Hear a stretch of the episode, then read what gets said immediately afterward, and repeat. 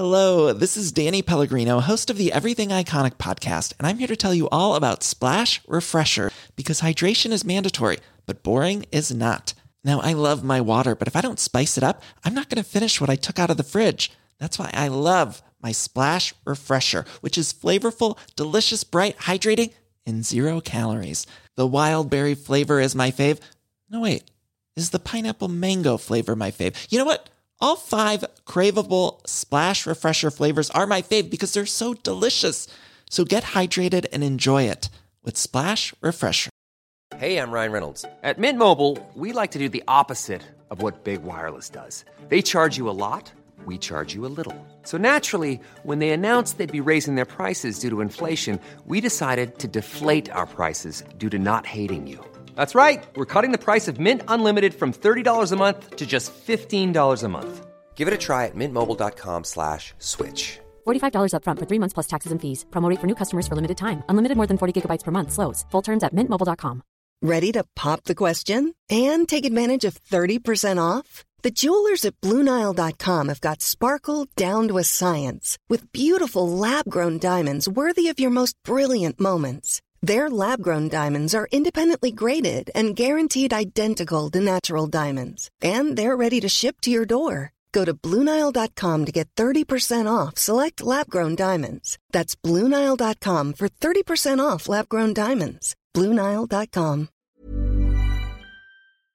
Helt siden de første menneskene slo seg ned i Trøndelag, har det blitt observert underlige lys over Hessdalen. Fenomenet har blitt forsøkt bortforklart som syner sett av bygdetullinger og deliriske hallusinasjoner forårsaket av den lokale drikkekulturen. Men det skulle vise seg at fenomenet stakk langt dypere, når Hessdalen-fenomenet fikk verdensomspennende oppmerksomhet i ufo-miljøet på 1980-tallet. Fenomenet er fremdeles der, og det er fremdeles like uforklarlig som den gang. I 2024 kommer en podkastserie i seks deler, produsert av Project Hessdalen, som kanskje en gang for alle skal finne svar på hva som rører seg på himmelen i denne bortgjemte dalen i Trøndelag. Serien har som seg hør og bør fått tittelen A Blaze in the Northern Sky, og den kommer til din favorittpodkastavspiller i 2024.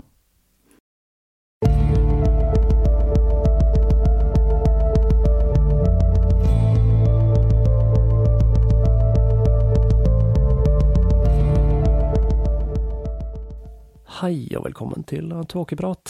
Jeg heter Even, og vi er nå kommet til episode 70. Og når jeg tar opp denne, så er det fredag den 8. juni 2018. Jeg har da pådratt meg en aldri så liten sommerforkjølelse, så om jeg er litt ekstra nasal og hes, så får dere unnskylde meg det. Aller først så tenkte jeg jeg skulle sutre litt, for eh, da Per Inge Torkelsen kom med boka Gledelig røyk og godt nyttår i 2003, så sa han at han aldri hadde trodd han skulle gå ut og forsvare en så usunn vane som røyking, og det er litt sånn jeg føler det akkurat nå. Selv så var jeg røyker i nesten 20 år før jeg klarte å bryte med den uvanen, og ble røykfri, dog ikke nikotinfri. Jeg begynte da jeg var 16, noe som var aldersgrensen for kjøp av sigaretter den gang, og da lå prisen på en tipakning på noe sånt som ti kroner. Jeg kan ikke huske hvor jeg hørte følgende sitat, um, jeg lurer litt på om det ikke var Terence McKenna, men eh, hvem enn nå det var, så var det svært godt observert, nemlig det at sigaretter er det eneste rusmiddelet som har en høy sannsynlighet for dødsfall ved normal bruk. Sigaretter, og her spesifiserer jeg altså sigaretter, er et av de mest vanedannende og skadelige rusmidlene vi kjenner til. Vi snakker jo mer om mer enn bare nikotin og tjære, men en hel symfoni av organisk kjemi som skaper en haug med nyartige stoffer i den prosessen som foregår i gloen på sigaretten. Selvsagt så er det ønskelig at færrest mulig i befolkningen skal røyke, det har blitt gjort en rekke tiltak som har redusert skadene røyking påfører samfunnet. Ikke minst med informasjon, men også med tiltak som forbudet mot å røyke inne på utesteder. Det var ikke før jeg selv sluttet at jeg forsto hvor ille det faktisk kan lukte av klærne etter en kveld på byen i et røykfylt lokale. Nå stinker det da kun gammelt fyll, det er i hvert fall noe. Jeg husker hvordan det var før, når man kunne røyke inne så å si overalt. Jeg husker da røykekupeen på toget, som var så innrøkt at det var en prøvelse å sitte der, selv for en storrøyker. Selv om jeg da er for ung til å huske røykens storhetstid, da leger kunne skrive ut sigaretter på resept for å gjøre deg mer mandig. Da jeg tidlig i 20-årene jobbet i et firma som leverte utstyr til ulike tilstelninger, messer og konserter, så var jeg på en jobb i Munch-museet på Tøyen. Da presterte en av mine kollegaer å fyre opp rullingsen midt iblant Munchs malerier, og det ble det jo litt bråk av når vaktene oppdaget hva som hadde skjedd. Men den holdningen den sier vel en del om hvor langt vi har kommet siden den gang. Jeg tviler på at selv den mest djerve rigger i dag hadde fyret opp røyken ved siden av Skrik, selv om Munch selv nok ville ha syntes dette var helt innafor. Når går vi egentlig for langt i vårt forsøk på å begrense bruken av sigaretter, og hvem er røykeren i dag? Nå er det jo selvsagt feil å generalisere, fordi det er mange ulike personer som røyker, enten det dreier seg om festrøykere eller dagligrøykere. Men jeg har jo bitt meg merke i at personer i typiske sjaue eller lavstatusyrker med høyt arbeidspress og stress ser ut til å sette pris på røykepausen. Den fungerer da som et lite sosialt avbrekk i en ellers heseblesende hverdag. Og det er nettopp den sosiale delen av ritualet som var det som i utgangspunktet gjorde at jeg selv en gang startet. Og vi skal nok heller ikke undervurdere den beroligende effekten rusmiddelet har i ekstremt stressende situasjoner, som i serviceyrker eller offentlige tjenester, der man til stadighet blir utsatt for klager eller truende situasjoner. Det er ikke uvanlig å se butikkansatte røyke ved vareleveringen, for å si det slik. Så hva skjer da, om vi priser røyk så høyt at den gjennomsnittlige røykeren ikke lenger har råd til å mate den lille gnomen i magen som skriker etter mer av stoffet? Myndighetene ser ut til å tro at da vil alle slutte å røyke, men all erfaring tilsier at dette ikke er tilfellet. Her åpner man da selvsagt for økt illegal omsetning og mafia, på samme måte som man har gjort med alle de andre ulovlige rusmidlene. Igjen og igjen og igjen. Spørsmålet mitt er om vi ikke kan være rause nok til å tolerere at en liten gruppe i samfunnet vil røyke uansett, og legge det til rette slik at disse kan leve normale liv uten å bli stigmatiserte og kriminelle som en følge av sin avhengighet. Dette er jo noe vi har sett igjen og igjen i historien, og dette er temaet som har en tendens til å dukke opp her i Tåkeprat. Jeg er da så gæren at jeg mener at individet har rett til å bestemme over sitt eget liv, så fremt det ikke går utover andre.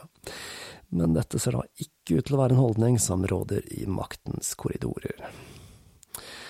Så hvorfor kommer jeg nå med den tiraden om røyking, når jeg selv ikke røyker og kjenner få som fortsatt gjør det? Hva var det egentlig som fyrte meg opp, for da å komme med et litt tamt ordspill der? Jo, nå skal dere høre. Som jeg sa, så er jeg fremdeles avhengig av nikotin. Jeg benytter meg da blant annet av damping som et alternativ til røyken, og også røykfri tobakk, sånn som snus. Det er jo ikke noe å rope hurra for akkurat, men det er nå engang slik det er. Det er da relativt sjeldent at eh, jeg kjøper snus i Norge, men her forleden så gjorde jeg nettopp det, og da damen bak disken på Circle K skulle forsøke å finne snusen jeg skulle ha, så ble det en del forvirring. Allerede så er jo alle tobakksprodukter gjemt i et ugjennomsiktig skap, slik at eh, det er vanskelig å se hva de faktisk har. Men nå har da våre kjære myndigheter kommet fram til at man kan redusere bruken av tobakk ved å fjerne alle logoer og fanter, og farge innpakningen i hva de har kommet fram til er den minst attraktive fargen i verden, nemlig militærgrønn. Dette er da selvsagt en del av strategien om å skape et utopisk tobakksfritt samfunn, noe jeg da tviler på at vil bli en realitet med det første. For meg så virker det som om vi har nådd en grense der nye tiltak mot bruk av tobakk begynner å virke mer og mer tåpelige. Et av argumentene som brukes for grønne tobakkspakker og bilder av skader grunnet røyking på røykpakkene, er at vi skal verne om barna. Spørsmålet jeg da vil stille, er om det ikke ville være mer naturlig å merke søtsaker med skrekkinngytende bilder av konsekvensene av overdrevet inntak av sukkervarer, noe som sikkert ville ha en langt høyere helsegevinst hos barn og unge enn grønne snusbokser. Godteri er tross alt mer attraktivt for barn enn snus. Jeg kan i hvert fall ikke huske å ha blitt mast på om å dele snusen min med et barn. Den eneste reaksjonen jeg har fått, den er æsj. Hva med et grafisk bilde fra en operasjon av en mage som blir stiftet igjen på hvert Happy Meal som serveres på McDonald's, og levere det hele i en herlig busegrønn boks? Der har dere den fra meg, kjære politikere. Traumatiserte, overbeskyttede, men slanke barn som vokser opp uten å lære å ta ansvar for egne liv, det er det vi vil ha. Vi lever i en farlig verden, men de aller, aller fleste av oss klarer å ta ansvar for våre egne handlinger om vi har tilgang på tilstrekkelig med informasjon. La oss heller bruke ressurser på å forberede oss på de sosiale omveltningene som kan komme som en følge av den neste bølgen av digital automatisering av arbeidslivet, eller hva med ting som miljø, dyrevelferd i landbruket eller fornybar energi. Men det er klart, å bruke ressurser på å klekke ut den minst attraktive fargen man kan ha på snusbokser, det er en finfin bruk av tiden til våre folkevalgte. Jeg lurer på hvor mange flasker med Mozell som gikk med i de møtene, og jeg håper virkelig at de farget alle flaskene grønne og limte på bilder av lemmer som har blitt amputert på grunn av diabetes for å komme i skikkelig stemning. Hjelpe meg, Tåkeprat er da fremdeles ikke en politisk podkast, men noen ganger så må jeg bare altså. Jeg er glad jeg ikke følger så mye med i nyhetsbildet, for det tror jeg rett og slett ikke jeg hadde hatt nerver til. Og nå som jeg har klaget meg ferdig om den saken, så skal vi over til dagens episode. For da fortellingen om Ranveig og Sigurd ble så populær som den ble, så bestemte jeg meg for å ta for meg enda en sak fra norsk historie. Og nå skal vi da tilbake til våre kjære hekser, og en sak fra de norske hekseprosessene som foregikk i Fredrikstad. Her har jeg da igjen tatt meg ganske mange friheter for å få historien til å passe inn i et podkastformat. For med denne fortellingen så hadde jeg enda mindre å gå på enn i historien om Ranveig og Sigurd. Men de norske hekseprosessene er et ekstremt spennende tema, og her er mitt forsøk på å fortelle historien til Anne og Marte Rimmer.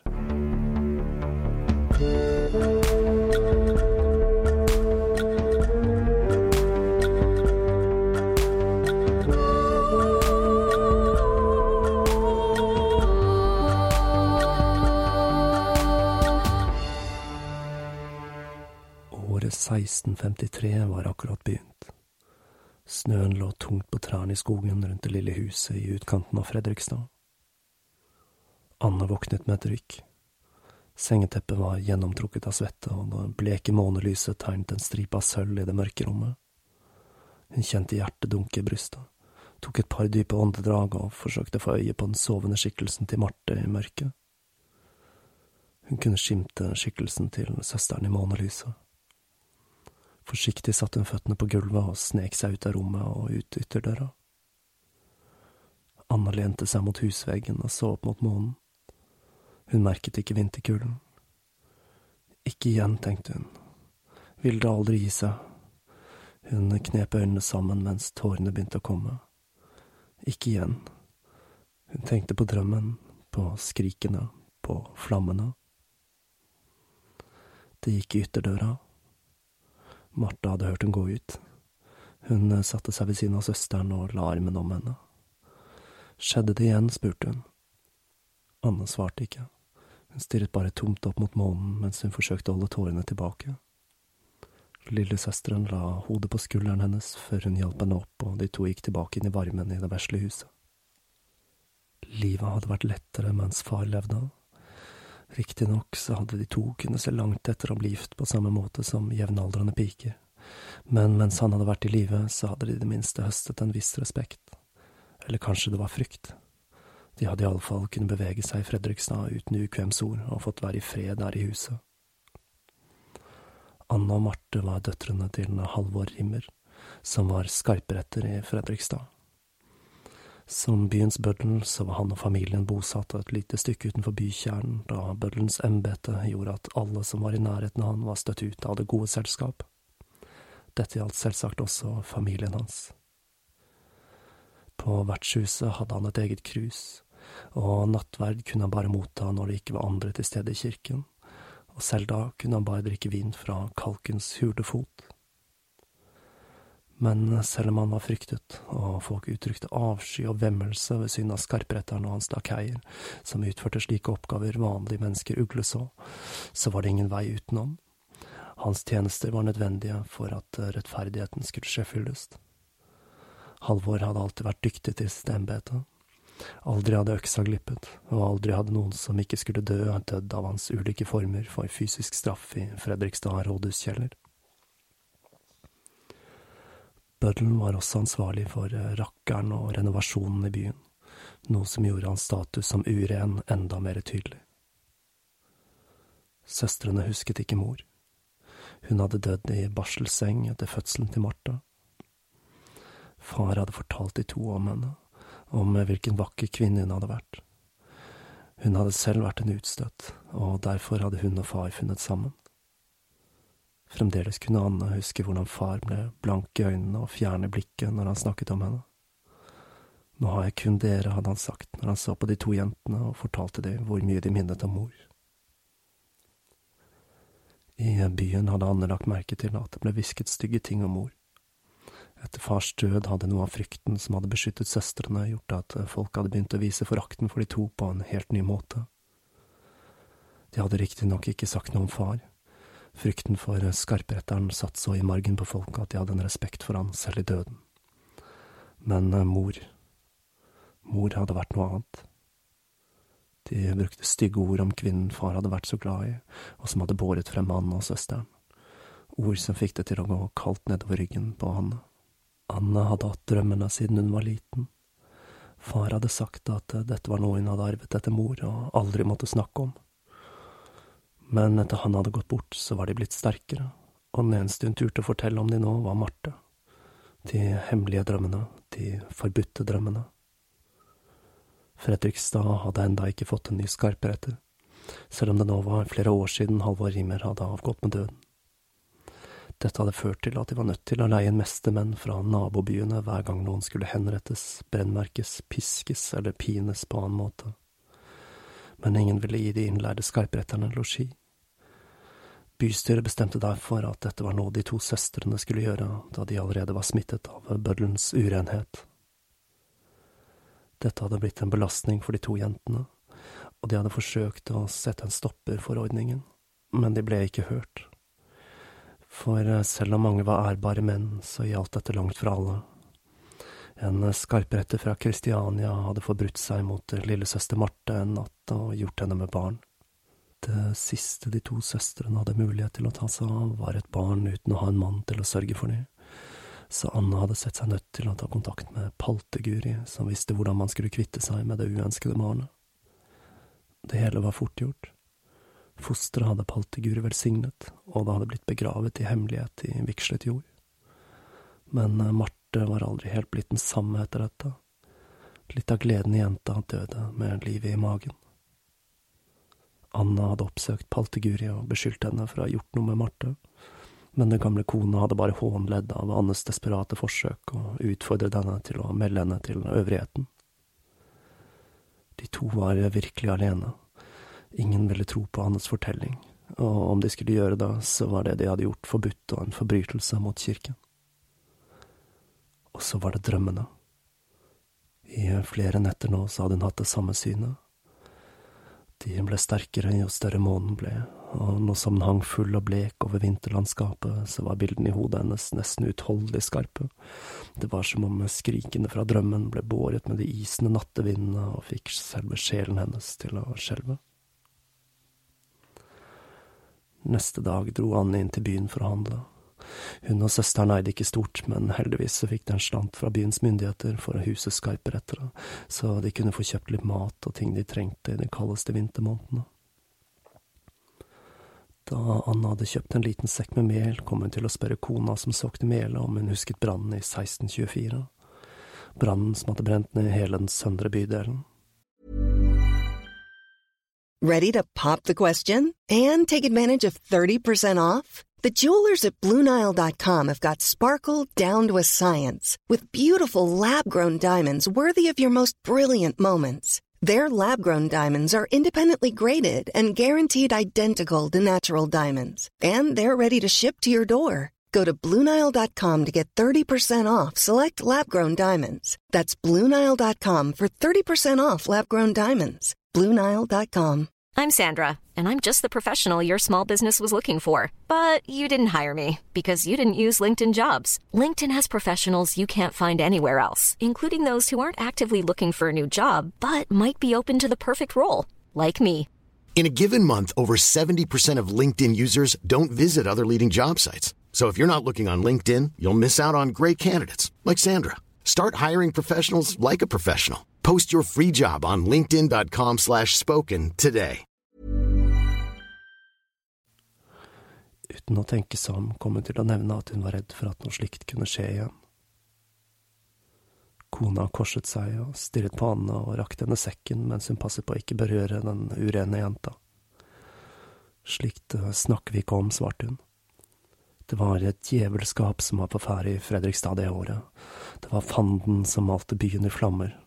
Gå nå, om du ikke skal ha noe mer, så skikkelig folk kan få kjøpt det de trenger. Anne gikk tilbake ut i vinterkulden. I et lite øyeblikk kunne hun igjen høre skrikene fra drømmen. Hun trakk sjalet godt rundt ørene og begynte på den lange ferden hjem. Den natten våknet søstrene på ny, men denne gangen var det ikke en drøm som vekket de to, men en svak støy, et lys og en mørk røyk som veltet ut ifra Fredrikstad i den månelyse natten. De to gikk ut på trammen og så mot byen. Uten å tenke over det grep Anne søsterens hånd. Nord for kirken sto byen i lys lue, akkurat som hun hadde sett i drømmen. Det hadde skjedd igjen. Hun hadde sanndrømt. Fredrikstad brant. Brannen hadde startet i bygården til rådmann Henning Hansson Lemmik og spredte seg over hele den nordre delen av byen, som da brente til grunnen i løpet av bare noen få timer. I dette distriktet bodde mange av byens beste borgere, og i løpet av denne natten sto de uten hus og hjem, ribbet i skinnet i den kalde januarnatten. Kirken ble spart, men sognepresten ble ruinert av brannen. Det var en sorgens dag i Fredrikstad. Mens vinteren skred frem, så spredte fortvilelsen seg. Hvorfor hadde byen brent? Det måtte være djevelskap som hadde vært på ferde, og jakten på de skyldige begynte. Livet til Anne og Marte ble nå enda hardere enn det hadde vært. Siden de var utstøtte og levde i utkanten av byen, var de de første som ble mistenkt for å stå bak ugjerningen, og folkesnakket begynte. Hadde ikke Anne snakket om bybrannen i 24 dagen før det begynte å brenne? Alle visste at moren til de to hadde drevet med djevelskap, og alle visste at den slags gikk i arv. Når eh, søstrene viste seg i byen, ble de nå møtt med åpen forakt. Folk spyttet mot de to og korset seg, og de hvisket og pekte. Anna visste godt hva de sa. Hun hadde hørt ordet før. Heks.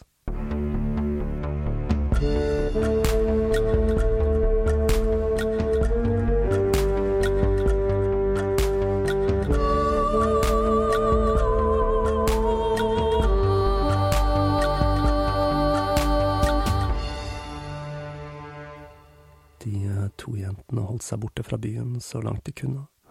Ingen ville ha noe med de to å gjøre, og de så seg nødt til å dra til Sarpsborg for å handle til seg den vesle maten de hadde råd til. Våren gikk og sommeren kom. Den staselige trehusbebyggelsen ble sakte, men sikkert bygget opp igjen. De to jentene holdt seg for seg selv, og selv om folkesnakket fortsatte, så begynte livet sakte, men sikkert å vende tilbake til det normale. Det var en usedvanlig varm sommer.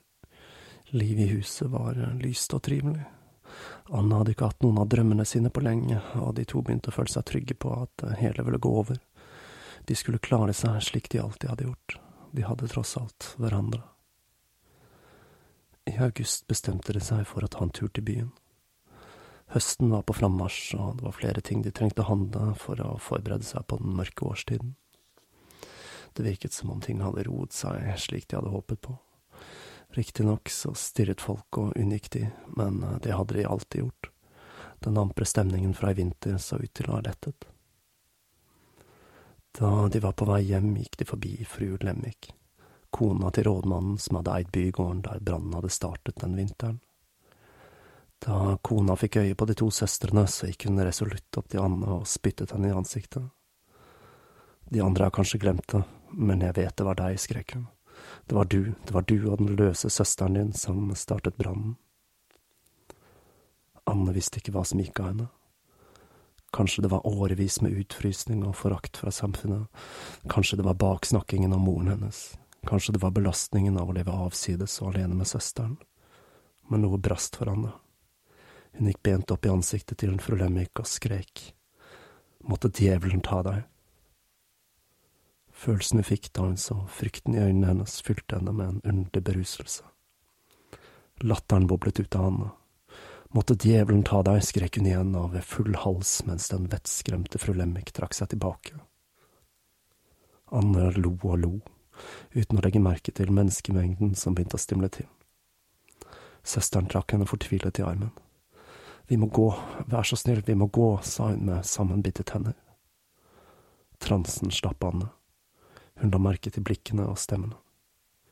De to jentene beinfløy alt de maktet, mens en oppglødd fru Lemmik fortalte villig til alle som ville høre hva som hadde skjedd, og pekte etter de to jentene der de forsvant ut av syne. Den natten brant det på ny. Men katastrofen ble unngått da brannen kun rammet ei kjølne, et lite hus som ble brukt til å tørke korn. Men til tross for at skadene var minimale, så var det én ting som gjorde det hele ekstra urovekkende. Kjølene tilhørte nemlig Henning, Hansson Lemmick. Harmen mot søstrene spredde seg igjen i byen, og da byens myndigheter fikk høre om konfrontasjonen mellom Anne og fru Lemmik, så virket saken åpenbar. Anne hadde hevnet seg på henne med skadetrolldom. Et par dager senere dro en liten gruppe menn til det lille huset utenfor byen. Da Anne fikk øye på gruppen med menn som nærmet seg huset, så slo hun blikket ned og ropte på søsteren. De er her. De to jentene overga seg uten motstand, og de ble ført til byen hvor de ble fengslet i rådhuskjelleren i påvente av rettssaken. De måtte vente i fangehullet i hele tre uker før saken endelig kom opp onsdag den 16. november. Byfogd Søren Jensson førte de to jentene fram foran vitnene som var kallet inn til saken. Carl Jensen skulle vise seg å være det viktigste vitnet i denne første delen av rettssaken og det han fortalte fikk det til å gå kaldt nedover ryggen på de som var til stede. Han hadde kommet i snakk med Anne Rimer seks år tidligere, og da hadde hun beklaget seg over at folk tok seg til rette og benyttet kjølene hennes til å tørke korn uten å spørre først. Verst av alt hadde vært tjeneren til sognepresten, som ikke bare hadde tatt seg til rette med kjølna, men han hadde også gjort sitt fornødne i brønnen hennes. Carl kunne fortelle at Anna hadde satt øynene i han og sagt at hun hadde sverget mannen en ufred han verken skulle sky ild eller vann. En liten stund etter dette hadde mannen blitt grepet av vanvidd og kastet seg i vannet og druknet. Det ble ikke avsagt noen dom i denne første rettssaken, da den ble ført under en bygdedomstol. Normalt var det byretten som skulle føre en sak mot en av byens innbyggere, og dette gjorde at de tolv lagrettmennene ikke ville avsi en dom før de hadde forsikret seg om at retten var legitim. Men stattholderen bekreftet at retten var slik den skulle være, og noen uker senere ble retten satt på ny.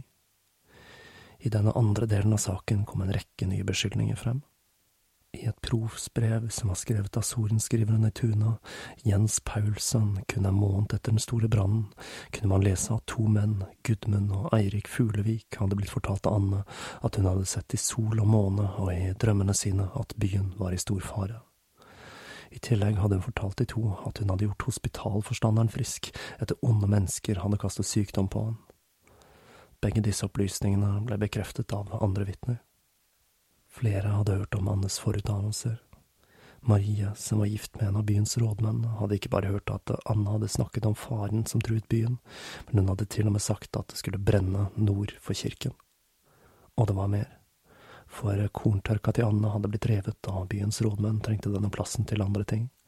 Flere vitner sa at Anna hadde sagt at om korntørka hadde fått stå, så ville byen ha blitt spart. I tillegg så vitnet kona til Oluf Rytter, og hun fortalte at en pike hadde blitt tilbudt en vadmelstakk for å sette fyr på rådmann Lemmiks korntørke av Anna og Marte. Men eh, hvem denne piken var, ble aldri klart, men det skulle vise seg at dette spilte liten rolle for eh, saksgangen. Det så også ut til at eh, husene til de som Anne likte, hadde blitt spart. Huset til svigersønnen til borgermesteren sto uberørt etter brannen, og han var en av de få som hadde talt Annes sak da hun og søsteren hadde forsøkt å slippe å måtte huset skarpere etter det. Likeså med Peder Tollskrivers hus, for Anne var en god venn av kona hans. Anne forsøkte å forsvare seg som best hun kunne. Hun fortalte om hvordan Palteguri hadde kastet en forbannelse på henne og søsteren, og fortvilet så spurte hun om hvordan hun kunne være ei trollkvinne når hun ikke klarte å verne seg mot den slags trolldom. Dessuten, om hun hadde gjort hospitalforstanderen frisk, så måtte jo dette være av det gode. Retten var ikke enig i dette. Den som kan gjøre frisk, kan også kaste ulykke og sykdom, formante de. Litt spaks sa hun at hun ikke kunne erindre hva hun hadde sagt til de ulike vitnene, og dette ble tatt som en tilståelse. Og med det så ble Anne Rimmer dømt til døden. Anne våknet med et rykk. Kaldsvetten lå i et tynt lag på den nakne kroppen hennes. Hun forsøkte å bevege seg, men armene var ubønnhørlig lenket til den kalde steinveggen. Hun så på hendene sine. De manglet flere negler, og noen av fingrene bøyde seg i unaturlige vinkler. Rommet luktet av brent kjøtt, avføring og urin. Hun visste ikke hvor lenge hun hadde vært der i fangehullet, eller hvor mange timer hun hadde blitt brennmerket, brukket og pint. Det kjentes ut som en evighet, som en endeløs bølge av smerte uten begynnelse og uten slutt. Det var mester Morten fra Tønsberg som hadde blitt tilkalt for å fullbyrde straffen. At Anna og Marte var døtre av en tidligere kollega, betød lite for skyperetteren, som gikk profesjonelt og systematisk til verks. Den kvalmende stanken av brent hud og hår ble akkompagnert av lyden av lemmer som brast og ben som knuste. Annes skrik om nåde ble møtt av døve ører.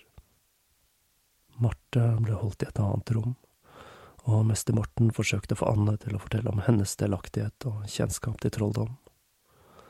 Anne var sterk, men etter flere dager med tortur hadde hun gitt etter og fortalt at søsteren var synsk. Når eh, kroppen ikke orket mer og et barmhjertig mørke senket seg over Anne, så var drømmene der igjen. Denne gangen hadde hun drømt om mor. Mor hadde holdt og trøstet henne, og hun følte seg trygg i armene hennes. Hun hadde sett på henne med et underlig sorgtungt blikk, før smerten igjen rev henne tilbake til de våknes verden og mester Morten med sine redselsfulle redskaper. I hele tolv dager ble Anne pint der i rådhuskjelleren, før den endelige straffen ble fullbyrdet. Anne Rimer ble befridd fra denne verdens pinsler og ble gitt sitt endelige hvile av mester Mortens bredbladede øks. Dommen mot Marte kom ikke før mot slutten av februar 1654. Til tross for at Anne under tortur hadde sagt at eh, søsteren var synsk, så hadde de ikke andre beviser på at hun hadde drevet med trolldom. Selv mester Morten, som hadde gjort sitt ytterste for å tvinge fram en tilståelse, hadde ikke lyktes. Det hun derimot hadde tilstått, var at hun to–tre dager etter brannen hadde fått høre at Anne var den som skulle ha forårsaket den. Og det var dette som felte henne. Hun ble dømt som en medviter til forbrytelsen, og fikk tre dager på å forlate Fredrikstad for aldri mer å komme tilbake. Marte ble ført til Svinesund, hvor hun ble jaget over grensa til Båhuslen. Eiendelene til de to jentene ble konfiskert, men de eide ikke stort, kun en liten hage og tomten de bodde på, samt noe gods som til sammen innbrakte åtte riksdaler i statskassen.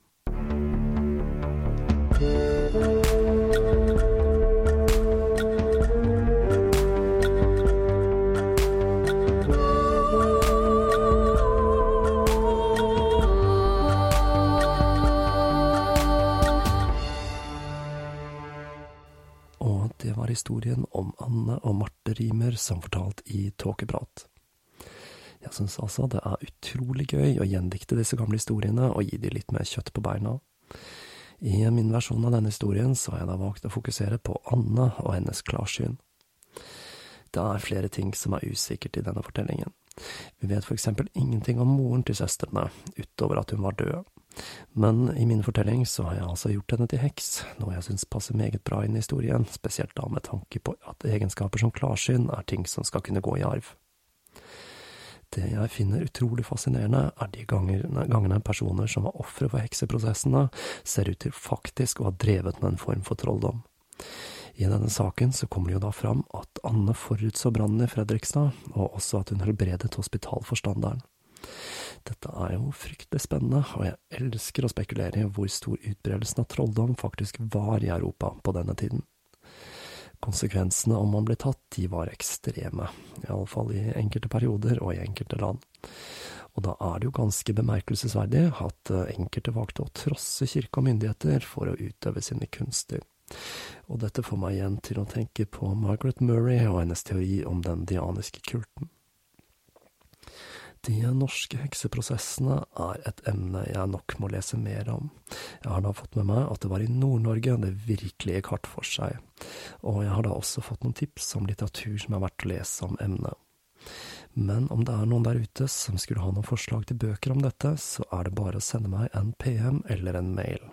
Tips det tas alltid imot med takk. Disse episodene har da en tendens til å bli noe kortere, da jeg jobber med materialet på en litt annen måte enn med episoder som er basert på rene fakta. Jeg må rett og slett være litt mer i siget for å male disse historiene på en passende måte, og det krever at jeg må gå gjennom historien ekstra mange ganger for at den skal få den rette flyten, og for å sørge for at fortellingen nøstes opp på en skikkelig måte. Da er det altså kun én episode igjen før det blir et lite podkastavbrekk. Disse pausene er noe jeg tar med svært blandede følelser, for jeg er like avhengig av å podcaste som mange av dere er av å høre på tåkeprat, og jeg synes faktisk det er ganske ille å gå noen uker uten å podcaste. Men dette er da ikke til å unngå, for jeg må legge inn avbrekk om jeg skal ha muligheten til å levere episoder i den kvaliteten dere er blitt vant til. Så fram til sommeravslutningen, og den blir skrekk virkelig, om jeg orker å ta det temaet jeg tenkte, så vil jeg da oppfordre til å følge Tåkeprat på sosiale medier, rate i iTunes, eller om du føler deg ekstra raus, bli en Patrion. Og jeg vil gjerne rette en ekstra takk til dere som allerede er patrions, og takke for alle de hyggelige tilbakemeldingene jeg har fått på Tåkeprat. De er med på å gi meg litt ekstra motivasjon til å få disse episodene ut til dere. Linker og informasjon det finner dere som vanlig på tåkeprat.com. På gjenhør.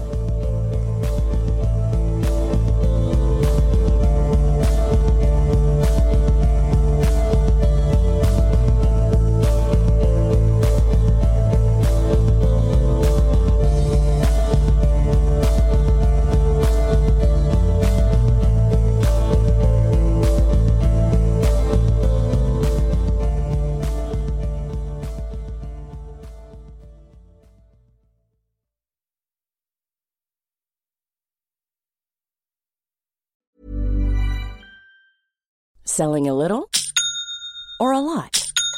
Shopify helps you do your thing however you cha-ching. Shopify is the global commerce platform that helps you sell at every stage of your business. From the launch your online shop stage to the first real life store stage, all the way to the did we just hit a million orders stage.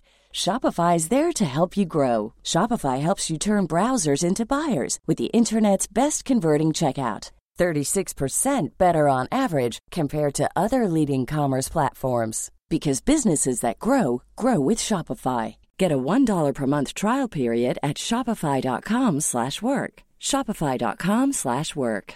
Hello, this is Danny Pellegrino, host of the Everything Iconic podcast, and I'm here to tell you all about Splash Refresher because hydration is mandatory, but boring is not. Now, I love my water, but if I don't spice it up, I'm not going to finish what I took out of the fridge. That's why I love my Splash Refresher, which is flavorful, delicious, bright, hydrating, and zero calories.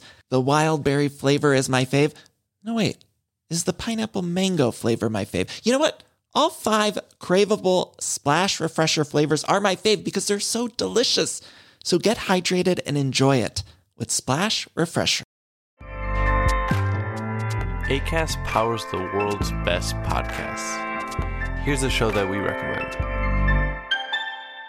The Real Housewives is a guilty pleasure for most, but if you're looking to not feel guilty about that pleasure, tune in to Everything Iconic with me, Danny Pellegrino, where I break down all the messy moments and behind the scenes antics of Bravo's popular franchise. And on Everything Iconic, I also interview celebrity guests like Kelly Ripa, Kiki Palmer, Drew Barrymore, Cameron Diaz, and more about their guilty pleasures, their past work, and so much more. So if you're pop culture obsessed and find yourself watching way too much reality TV like me, tune in to Everything Iconic with Danny Pellegrino wherever you listen to podcasts. ACAST helps creators launch, grow, and monetize their podcasts everywhere. ACAST.com.